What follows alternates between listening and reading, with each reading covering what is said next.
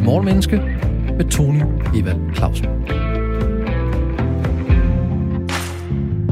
Vi bruger den alle sammen, eller i hvert fald de fleste af os, og vi tager den ofte for givet. Dem vi bruger hedder SoMe, Twitter, Facebook og Instagram, og det vi tager for givet hedder ytringsfrihed. Og programmet du lytter til hedder Morgenmenneske. Programmets ambitiøse mål er at blive klogere på mennesker, psykologi og adfærd med udgangspunkt i noget, der er sket i 2022. Vi har 25 minutter. Alle hverdag, hele sommeren. 25 minutter til at udfordre antagelser, bekræfte fakta, belyse menneskets lyse afkrog og mørke kringelkrog. 25 minutter til at gøre det åbenlyse for vores gode gæst, lysende klar for os andre. Christian Mogensen, specialkonsulent hos Center for Digital Pædagogik. Du har 25 minutter til at svare på spørgsmål, så både lytterne og jeg bliver klogere på ytringsfrihed på de sociale medier. Velkommen til, Christian. Mange tak. Er du klar til at snakke om øh, sociale medier og ytringsfrihed og privat ejet og alt muligt andet? Jeg er super klar og spændt op som en flitsbue. Super demokratisk flitsbue. En super demokratisk lysbus. Så hvordan skal vi egentlig forholde os til det her med, øh, med ytringsfrihed, der bliver begrænset af, af private virksomheder? Jamen, altså, det er en kort snak. Vi har ikke ytringsfrihed på, øh, på digitale medier. Tak for i dag. Godt, Det- jamen så... Det, jamen, du, du rammer den i hoved, hovedet på sømmet. Det er private medier, ergo de bestemmer, hvad vi må tale om. Ytringsfrihed som begreb er i den grad blevet bastardiseret og fortærsket over de sidste par år med rigtig mange forskellige debatter, vi har, øh, vi har haft. Både sådan i den øh, store, brede offentlighed, men også på nogle af de her digitale medier, hvor vi så med corona, hvor for eksempel Facebook Meta gik ind og lukkede ned for rigtig mange samtaler, de vurderede til at være misinformation, fordi det vil vi ikke lægge platform til. Okay, jamen altså, så har vi ikke de facto fuldstændig ytringsfrihed på deres medier. Vi ved, at de også gør det med nogle bestemte politiske samtaler, med nogle bestemte grupperinger, som de lukker ned for, som de ikke vil lægge platform til. Ikke noget, jeg som sådan personligt er uenig i, men det betyder bare, så har vi ikke de facto den der fuldstændige ytringsfrihed på deres platform. Men er vi blevet lovet det? Nej, nej, det, det har aldrig nogensinde stået noget sted. Men vil jeg så skynde mig at sige, at jeg er 35. Det betyder, at jeg sådan var med, dengang vi begyndte at have privat internet i starten, midten af 90'erne. Pointen med internettet var at give informationen fri. Pointen med internettet var, at vi kan alle sammen læse hvad som helst, når som helst. Dengang var det sådan en helt oplysningstidsliderlig-agtig tanke om, vi bliver alle sammen mega klogere, hvor er det fantastisk, og vi kommer kun til at bruge det her til noget rigtig, rigtig godt klip til 20-30 år senere, hvor internettet er fyldt med kattevideoer og hadprædikanter, ikke? Øhm, Er det er det jo fyldt med, Christian? nej, De, at der er også Mit feed er, Tony. Okay, modtaget. Øhm, Ja. ja. Nej, der er også alt muligt andet, men internettet er i dag blevet overtaget af det, der larmer, og meget af det, der larmer, bevæger sig rigtig meget på kanten af det, vi vil kalde god skik under ytringsfrie rammer. Men, men har Facebook lovet mig, at jeg har ytringsfrihed? Nej, har ald- Twitter lovet mig, jeg Aldrig nogensinde. Nej, det har Øh, regeringen lovet mig. Det har vores grundlov lovet os. Det har vi lovet hinanden. Jeg tror ikke, der har været nogen regeringer, der er de sidste par omgange, der har lovet os, øh, at vi ville få mere ytringsfrihed. Det, det tror jeg er en dårlig politisk beslutning. Men det står, jo, det står jo i vores grundlov, og det står i alle mulige sådan... Øh, Og det blev simpelthen nødt til at korrekse dig. okay. Og, og det er ikke, fordi jeg er nogen stor fan af Mette Frederiksen, men da coronaen kom, og vi ikke måtte noget som helst, så, så sagde hun, undtagen demonstrationer. Vi vil jo ikke forhindre folk i at sige deres mening eller demonstrere. Det, er Det rigtigt. skal vi altså lige Det er sige. Så rigtigt. der gik hun altså ud Godt. og sagde. Ret skal være Og ret. jeg skal nok jagte Mette Frederiksen på alt muligt andet, men det gik hun faktisk ud og sagde. Så. Ja. ret skal være ret. Undskyld, Christian. Jamen altså, tale er... Af sølv Ja, og tavshed af Altså, guld. Ja, tak. Øhm, sagde du selv lige før. Øhm, men nej, nej, altså det, det er vi aldrig nogensinde blevet lovet. Altså Facebook har ikke lovet os andet, end at vi kan stalke vores gamle klassekammerater. Øh, det, det har været deres forretningspitch hele vejen igennem. Og det, det har vist sig at være et rigtig, rigtig godt pitch. Øhm, men ytringsfrihed har aldrig nogensinde været præmissen for hverken Facebook eller nogen af de andre store platforme. Og vi har jo stadigvæk begge to ret til at sige lige nok det, vi vil, ved at oprette en hjemmeside, og så kan vi skrive stort set, hvad vi vil. Øh, I hvert fald inden for lovens grænser.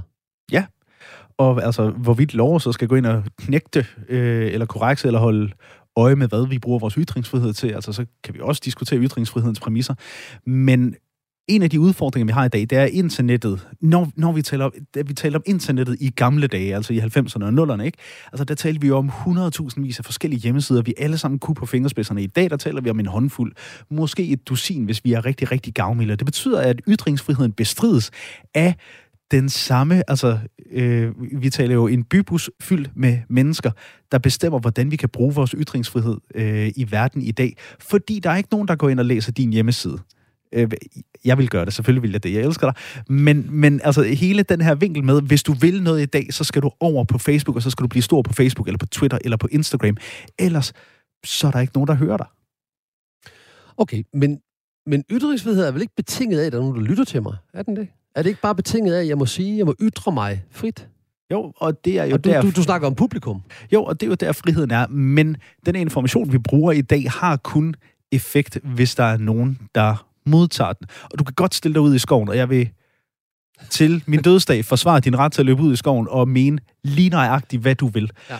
Og det er også derfor, at jeg ikke som sådan modstander af, at Facebook Meta og alle de andre rydder lidt op inden for egne rækker. Det er nødvendigt, har vi om noget set de sidste par år. Men den der påberåbelse, jeg ser fra rigtig mange debattører om, at jeg har ytringsfrihed, jeg må gerne sige det her. Jamen, det må du faktisk ikke, fordi det er mit hus, eller det er Facebook, eller det er Twitter. Og det er sådan lidt blevet, og det var det, jeg startede med at sige, altså det her bastardiserede fagntag med ytringsfrihedsbegrebet. Jeg ser rigtig mange, der gør det, og siger et eller andet, super svinsk og øh, fyldt med misinformation, disinformation og enormt aggressivt og virkelig, virkelig perfidt. Og hvis man så kalder dem ud på, ud på det, er der sådan en, jamen jeg har ytringsfrihed. Jamen du er stadigvæk en idiot, og det må jeg vel også gerne sige, ikke? Øh, ytringsfrihed er blevet et, et mærkeligt begreb, som vi tager for givet, og lidt har misforstået som en, jeg må sige, hvad jeg vil. Og det må du altså ikke. Ikke på de digitale medier, ikke på de sociale medier. Hjemme ved dig selv, ude i skoven, fyr den af. Men Christian, det her det bliver også lidt personligt. Det har vi faktisk ikke aftalt, jeg spørger dig om. Men, men er det ikke også noget med, at du har sagt din mening, og så mærket konsekvenserne af en anden slags øh, censur, nemlig det, andre fortalte dig, du ikke skulle snakke om? Jo, masser af altså gange. Altså trusler og indirekte jo, jo, jo. trusler og... Masser af gange. Øh, altså, hvis vi tager den... Jeg, jeg skrev for gud, det vil være lang tid siden, øh, på et socialt medie, at jeg var bekymret over øh, nogle bestemte debatter til en bestemt konference. Øh, jeg synes ikke, de hørte til der, fordi jeg synes, de var udemokratiske.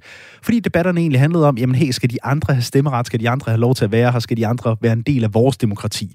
Det vil vi gerne demokratisk diskutere. Jeg var sådan lidt, ah, dreng, det... Hmm, jeg vil gerne lige have den der ud til videodommeren, ikke? Øh, og så gik der et par timer, jeg var inde og holde et foredrag, og så kom jeg ud igen, og så havde jeg 800 notifikationer på Facebook og Twitter, øh, og et par af 20 ubesvarede opkald. Øh, og fordi jeg havde stukket hånden ned i sådan en fløjpolitisk vipserede, øh, endte det også med, at folk de begyndte at ringe til mig. Der var et par enkelte, der ringede og tilbød mig et lag tæsk, hvis de rendte på mig her i Aarhus og skader. Og, og min udfordring var, at det var, sagt på godt jysk, det var træls. Jeg skulle bruge ret lang tid på at sidde og rydde op i nogle af de der ting. Jeg vidste godt med de debattører, jeg prikkede til, at der ville komme en reaktion. Det har vi set gang på gang på gang på gang på gang. Men jeg vidste også, den er ret billig for mig. Jeg fik et enkelt tilbud om tæsk, jeg sådan forstår sammen med politiet, som, øh, som trusler. Og så var der rigtig mange, der synes jeg var en idiot. Det kan jeg godt vende mig til. Jeg kan se, desværre, altså når vi taler ytringsfrihed, øh, jeg kan se rigtig mange af mine kvindelige kolleger, og rigtig mange af mine minoritetsdanske kolleger, hvis de havde sagt det samme. Var et par stykker, der pipede lidt om det samme emne. Altså, det var tifold værre, end det, jeg oplevede. Jeg har haft rigtig mange foredrag, hvor jeg plejer at sige, jeg har masser af demokrati, jeg har masser af ytringsfrihed, jeg har masser af ligestilling, jeg er en hvid heteroseksuel universitetsuddannet mand med realkreditlån. Altså, I'm good, ikke? Øhm, men lige der, hvor jeg lige mærkede sådan en brøkdel af den reaktion, jeg kan se andre debattører får, får havde jeg også den der sådan, ej, er det det værd? Gider jeg at diskutere politik og demokrati på sociale medier? Kan vide, om det er det værd? Og hey, det er det. Og grunden til, at jeg bringer det ind, det er, fordi vi starter med at snakke om, at vi udliciterer vores øh, ytringsfrihed til de store private ejede virksomheder, Twitter, Facebook øh, og, og hvad de nu ellers hedder sammen. Det starter vi med at snakke om, og, og problematisere, at de jo grundlæggende kan, kan, kan sortere i, hvad vi må sige og ikke må sige. Og så har vi ikke det her publikum, som, som vi snakkede om før, som er en præmis i hvert fald en del af den præmis, mange snakker om, når de snakker om ytringsfrihed. For jeg kan jo skrive lige, hvad jeg vil på en hvilken som helst hjemmeside. Det er der, hvad mindre jeg skriver, hvordan man laver en atombombe, eller det er noget, der er ulovligt, børneporno eller et eller andet jamen så kan jeg sådan set skrive lige, hvad jeg vil. Men så var der en anden nemlig, som ikke har noget med de private virksomheder at gøre, men som har noget at gøre med det, du er blevet udsat for, og dig i mindre grad end så mange andre. Ja. Nemlig det, at når man så ytrer sig, så er der andre, der har fritid, frihed til at gøre noget ved den ytring. Ja. Og det ved jeg begrænser. Altså, jeg er ikke på Facebook mere. Altså, jeg er der, men jeg, jeg, jeg, jeg, jeg interagerer ikke på Facebook, enten et like på en sommerfugl hister der, eller hvis der er nogen, der er fødselsdag, eller nogen, der er blevet student, eller et eller andet. For jeg gider ikke at skændes med mennesker. Og jeg gider ikke at bruge min tid på det. Øhm, men det er jo mit valg.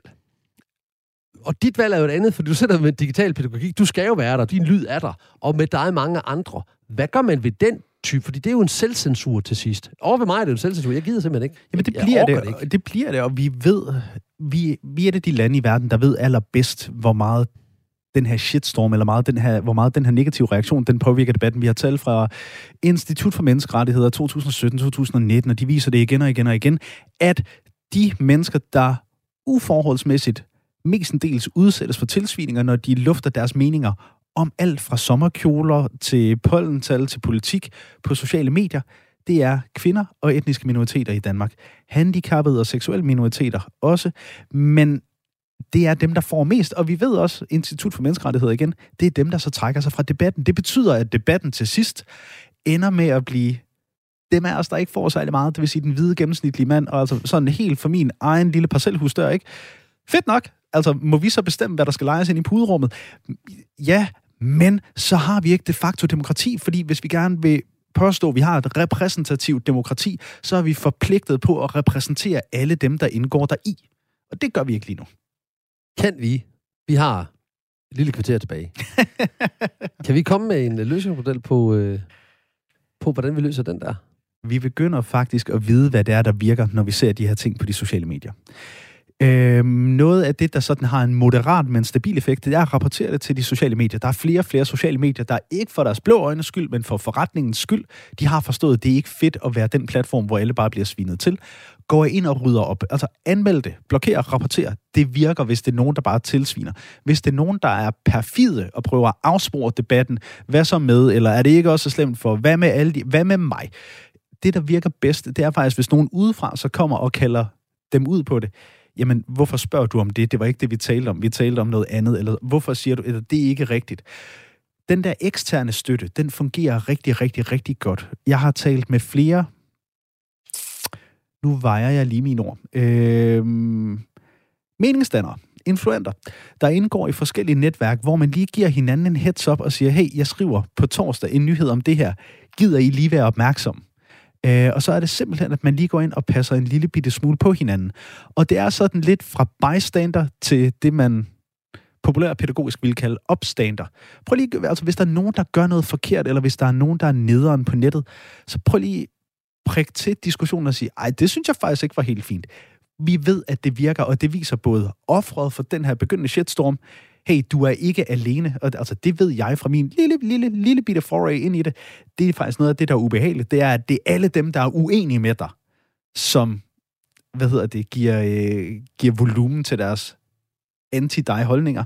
Øh, men det, og der er noget, der tyder på, at de jo også har rottet sig sammen det virker meget koordineret. Hvad var det, du sagde? Hvor mange beskeder? Var det 800 eller 80? Jeg tror, det, eller meget var det, det var lige omkring 800 notifikationer på, øh, på ja, den så, første halvdag. Og det lyder meget mærkeligt, at alle 800 på én gang, altså det lyder også som et netværk. Gør det ikke det? Jo, og det tror jeg det også, der er. Noget af det, jeg kan se, der sker, det er, at øh, nogle af mine ting fra... Øh, jeg, jeg skriver om den slags på, øh, på Twitter, øh, de bliver screenshottet derfra, og så bliver de delt på Facebook, både i grupper og på øh, folk med, øh, folk med 7, 8, 9, 10.000 følgere på Facebooks øh, vægge, som sådan en, prøv at se, hvad der er en, der har skrevet om mig over på en anden platform. Jeg blev ikke selv tagget, så jeg kunne ikke øh, svare igen, jeg kunne ikke sige noget til det. Jeg opdagede det først, at der var en bekendt, der sådan, hey, er du klar over, at den her folketingspolitiker kalder dig ud derovre, øh, og råber cancel culture til sine 70.000 følgere, og sådan lidt, Ah, det, mm. Men altså, til den ende af det politiske spektrum kunne jeg godt finde på at sende en fremmed ordbog, fordi det har de ikke helt styr på, hvad det egentlig er kom ud mellem mine sideben, ikke? Øhm,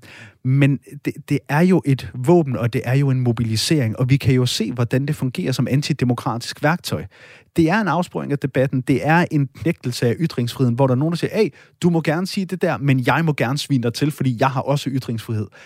Og nej, det er ikke sådan, ytringsfrihed fungerer. Hvordan fungerer det så? Hvis jeg ikke må sige, at mega... Altså, nu fik du jo også lige lov til helt ytringsfrit at sige, Ja den ende af den politiske skala, der havde jeg lyst til at sende dem en, en fremmedordbog. Det, Ja. det, det, har du lige sagt. Ja. Det har vi på bånd. I got you on tape, brother.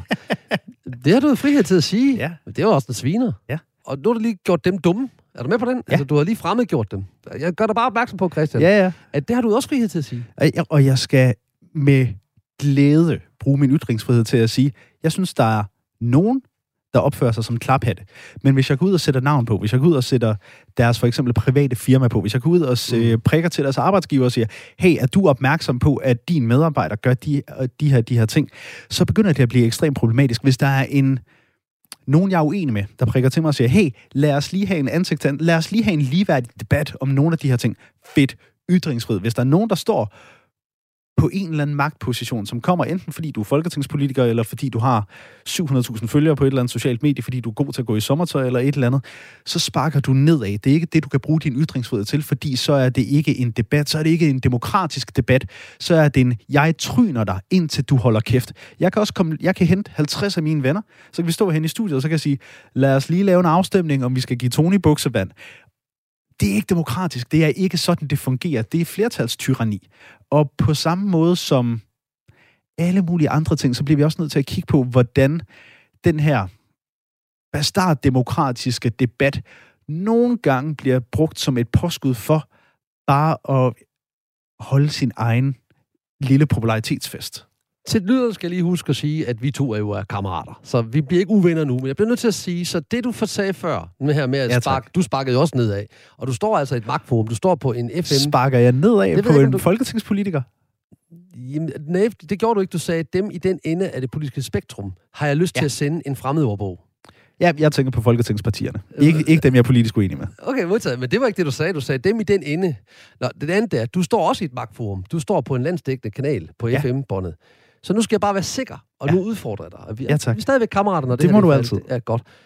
Så det, der er forskellen på, at det, der er okay, at du siger, det er, at du ikke siger, hvem det er. Og du ikke sætter navn på, og du ikke øh, ringer til partiet, eller til arbejdsgiveren, eller til naboen, eller... Øh, så, så langt du ikke siger, hvem det er helt præcis, det er stadigvæk sådan lidt diffus, hvem det kunne være, det er jeg sikker på, at man kunne finde ud af, hvem det var, hvis man ville. Det er okay, det må man gerne. Men i det øjeblik, jeg så sætter navn på, eller hvis vi ringer til alle dem, du kender og siger, skal vi ikke alle sammen gå ned i den politiske ende og sige, her er en ordbog. Ja. Øh, jeg, jeg ved ikke, om du kan huske det, men for 10-15 år siden, der øh, kom Dansk Folkeparti til at snakke om, at, øh, at man skulle holde op med at give øh, fremmedarbejdere citronmåner og, og saftvand i, i venteværelserne. Og der fik Dansk Folkeparti jo x antal citronmåner sendt med posten. Det er jo rent faktisk, altså udover det er sjovt, medmindre man er Dansk Folkeparti, så er det også voksenmobning, ikke? Så jeg skal bare være sikker på, Christian, det du ja. mener er, man må gerne sige det, du lige sagde, så lang tid man ikke sætter et konkret navn på. Du må altid altså, nu, altså, jeg står ikke i nogen magtposition til at beslutte nogle af de her ting, så jeg svarer ud fra, hvad jeg synes og hvad jeg mener, hvad jeg tror på. Du må altid udfordre en idé. Du må altid udfordre en institution. Du må altid udfordre nogle af de her ting. Jeg synes ikke, at du altid må kalde enkeltpersoner ud, og slet ikke i et forum, hvor de ikke kan forsvare sig. Du må gerne gå over og sige, hey, Karsten, jeg, øh, jeg er sgu uenig i det, du siger. Kan vi ikke lige snakke om det? Altid. Rigtig, rigtig, rigtig fair. Men det der med at tage en magtposition, og så bruge den til sådan at flertals tryne. Vi er faktisk 10.000 mennesker, der synes, at du er en kæmpe idiot. Mm. Det er ikke ytringsfrihed. Det er, altså, jeg bryder mig ikke om begrebet voksenmobning. Altså, det, det lyder så infantilt. Men det er en måde at, at dominere nogen og knægte nogen deres demokratiske plads i samtalen. Ja, fordi det er jo en magtudøvelse. Når du kommer ud ja. til 800 notifikationer og x antal opkald fra mennesker, du ikke kender, og en enkelt, der siger, jeg, møder, jeg banker dig, når, du, når jeg møder dig i Aarhus, ja. så er det jo en magt. Det er jo et forsøg på, så kan vi kalde det mobning eller hvad. Det er et forsøg på at knægte dig. Ja, det er et forsøg, og en, en adfærdsreguleret adfærd. De, de forsøger at få dig til at adfærdsregulere. Og din adfærdsregulering består i følgende 10 stille. Ja. Så vi går lige tilbage til noget af din forskning. Det vi ved, der virker, det er, at der er andre, der deltager. At der er andre, der kommer udefra ind på de sociale medier og andre steder og siger, hey, hvorfor siger du det, og hvad har det med det at gøre? Det ved vi. Det er du sagde om før. Ja. Det, så det har noget at gøre med, at jeg ligesom iværksætter mit eget netværk som sådan et forsvarsnetværk på at kunne beskytte mig. Ja. Så, fordi det kan stoppe nogle af de her skøre mennesker. Er det Ja. rigtigt forstået? Ja. Godt. Hvad mere kan vi gøre end det? Så jeg kan iværksætte dig og mig, og jeg kan sige, ved du hvad, Christian, jeg laver noget her i næste uge. Gider du lige, og onsdag lidt over 12, der laver jeg et oplæg. Gider du, eller hvad det nu er, gider du lige at holde øje med, om der er nogen, der siger noget åndssvagt, så du lige kan beskytte ja. mig der. Hvad mere kan vi gøre? hvis jeg taler for egen erfaring, så tror jeg, det er meget, meget vigtigt at forstå, hvorvidt det her det er et problem. Jeg har set rigtig mange, når vi har debatteret det her, har vi alle sammen ytringsfrihed, har vi alle sammen en platform til at tale om vores problemer på fra, så er der mange, der siger, jamen, det har aldrig været et problem for mig. Jeg har ikke oplevet nogen af de der ting. Er god. Det er nok heller ikke et problem for, for dig. Og det er rigtig fedt at have den samtale med andre hvide universitetsuddannede mænd. Men tanken om, at fordi det ikke sker for mig, så sker det nok ikke for andre, den er tæskefarlig, fordi det er jo det, empati og politisk empati skal være, at forstå, at andre kan have andre problemer, end jeg har, fordi de har nogle andre forudsætninger. Så det der med også at forstå, at der eksisterer nogle problemer ude i det demokratiske cyberspace, selvom vi ikke selv oplever dem, er sindssygt vigtigt. Igen, selv med den her sag, jeg betragter ikke mig selv som et offer for nogle af de her ting. Jeg stikker næsen frem, og en gang imellem, så er der nogen, der står på den, slår på den. Fair, altså det, det er sådan, det skal være. Øh, og hvis der er nogen, der siger noget, jeg er uenig med, altså jeg tager også gerne diskussionen øh, på Twitter. Det er det, jeg er der for, ikke? Men jeg ser nogen, for hvem det ikke er en diskussion, og jeg ser nogen for hvem... Altså, jeg har på min computer, der står herovre ved siden af mig, et par gigabyte af trusselsmeddelelser, opkald, billeder af børnenes skolebusser, der er tilsendt danske debattører, fordi de blander sig i nogle af de her sprængfarlige debatter. Og når jeg rækker ud til folk og siger, hey, oplever du også det her? Og jeg bare får tilsendt, altså læsevis af hvad der dybest set er bevismateriale i afviste sager, fordi det er sendt fra øh, privat eller hvad hedder det, anonyme e-mailadresser og den slags, så bliver jeg også nødt til at forstå, at selvom det ikke sker for mig, så har vi et demokratisk problem med, at der er en bestemt type af debattører, som får så mange tæsk for at sige deres mening, for at sige, hey, det er faktisk hårdt at være min gruppe, eller den gruppe, eller de andre, eller har I tænkt på det her, rokker lidt ved det her magtmæssige øh, status quo, at de trækker sig fra debatten, og at vi andre, vi så kommer løbende halvandet år efter og siger, men der er jo ikke nogen, der siger, at det er et problem for dem derovre, er godt, det er nok ikke noget problem. Ah, altså, det, det er mildestalt problematisk. Men det er interessant i den her samtale var jo, at vi startede med at problematisere, at, at de sociale medier er ejet af privatejede virksomheder, og de jo grundlæggende kan kultivere i, hvad der kommer ud. Og vi ender med at snakke om, at det måske slet ikke er de privatejede virksomheder, der er udfordringen, men det er brugerne af de privatejede virksomheder, der er udfordringen. Er fremtiden et internetpoliti, der, øh, der rent faktisk efterforsker? Fordi vi ved jo begge to, at hvis vi vil finde, hvem der har sendt det der billede, så finder vi vedkommende. Det kræver bare ret mange ressourcer. Ja, altså n- nogle af dem, der har sendt de her billeder, nogle af dem, der har gjort de trusler, jeg har siddet og rodet med, er desværre så dygtige til det digitale, at jeg, jeg kan ikke komme til bunds i det. Vi har haft nogle andre på os, som er meget dygtige og meget klogere, end jeg er. Øh, men sporet ender blindt. Vi har jo faktisk et cyberpoliti i Danmark. Vi har lige fået nedsat 10 års værk, 10 politibetjente, der sidder per år øh, og patruljerer på internettet. Det er deres opdrag. Jeg er meget, meget spændt på at se, hvor det ender desværre i forhold til sådan den demokratiske vinkel, desværre heldigvis, øh, noget af det, som god dansk, lokal og oceansk forskning peger på, øh, fra ROF, øh, Radicalization Online and Political Hostility på Aarhus Universitet, det er, at det måske ikke er algoritmerne og platformene, der sådan agiterer os, eller ophidser os, eller radikaliserer os, men at det nok nærmere er folk, der allerede har de holdninger, som finder nogle digitale platforme, værktøjer, til at ytre deres holdninger, og derfor kan komme i kontakt med hinanden. Altså, jeg så, jeg har et, øh, et gammelt avisudklip hængende på, på mit kontor med Søren Pind af alle mennesker. Øh, ej, jeg kan faktisk godt lide Søren Pind. Men jeg tror, han i 2007 eller 8 siger, at problemet med internettet er, at nu kan landsbytosserne snakke med hinanden. Og det, som forskningen fra ROF peger på, det er, at ja, det er nøjagtigt de samme mennesker, som vil sige de her ting til dit ansigt, nede på gaden, nede ved gadekæret, som nu bare skriver det til dig på internettet. Udfordringen er bare, at med internettet, der er gadekæret blevet enormt stort, og vi hænger alle sammen ud dernede. En af de ting, jeg jo tit har hørt, det er, at jamen, det ville de ikke sige, hvis de mødte dig, øh, dem her. Men, men det forskningen peger på, det er, at det vil de faktisk. Der er bare ikke så mange af dem nede i mit gadekær, men det er det på det internet, internets gadekær. Det er det, som den forskning peger på, ja. Tjek. Hmm, så hvad gør vi?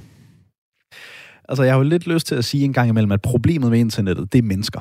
Ja. Øh, så hvis vi på en eller anden måde kan fjerne dem derfra, nej, det synes jeg jo selvfølgelig ikke. Hvad gør vi ved det? Altså, jeg tror meget af det handler om, at lige nu, hvis vi kigger på det politiske, i den, i den politiske ende af internettet, altså det er særligt Twitter, det er særligt øh, den ende af Facebook, så har vi nogle mennesker, der gør ytringsfrihed for ytringsfrihedens skyld. Der gør ytringsfrihed som en eller anden ekstrem sport, hvor vi skal se, hvor langt kan vi presse den, og stadigvæk løbe tilbage til ytringsfriheden og råbe, jeg har helle. Ytringsfriheden er ikke kernen i demokratiet. Kernen i demokratiet, det er, at vi alle sammen er der, og at vi alle sammen har plads til at gøre vores ytringsfrihed og tage ansvar, og således formidle og forhåbentlig berige, gik vi på efterforskning i ytringsfrihed på de sociale medier. Tak skal du have, Christian, min gode, dedikerede, delagtiggørende og dygtige gæst, Christian Mogensen, specialkonsulent hos Center for Digital Pædagogik. Tak fordi du kom herind. Ytringsfrit, det var helt igennem din fornøjelse. Ja, og det er det også her. Ja, tak for det. Du kan høre meget mere om Morgenmenneske på den app, som Radio 4 har lavet kun til dig, eller der, hvor du lytter til din podcast. Programmet er produceret af Only Human Media. Jeg hedder Tony Eva Clausen, og det bliver efter planen ved med. Vi høres ved.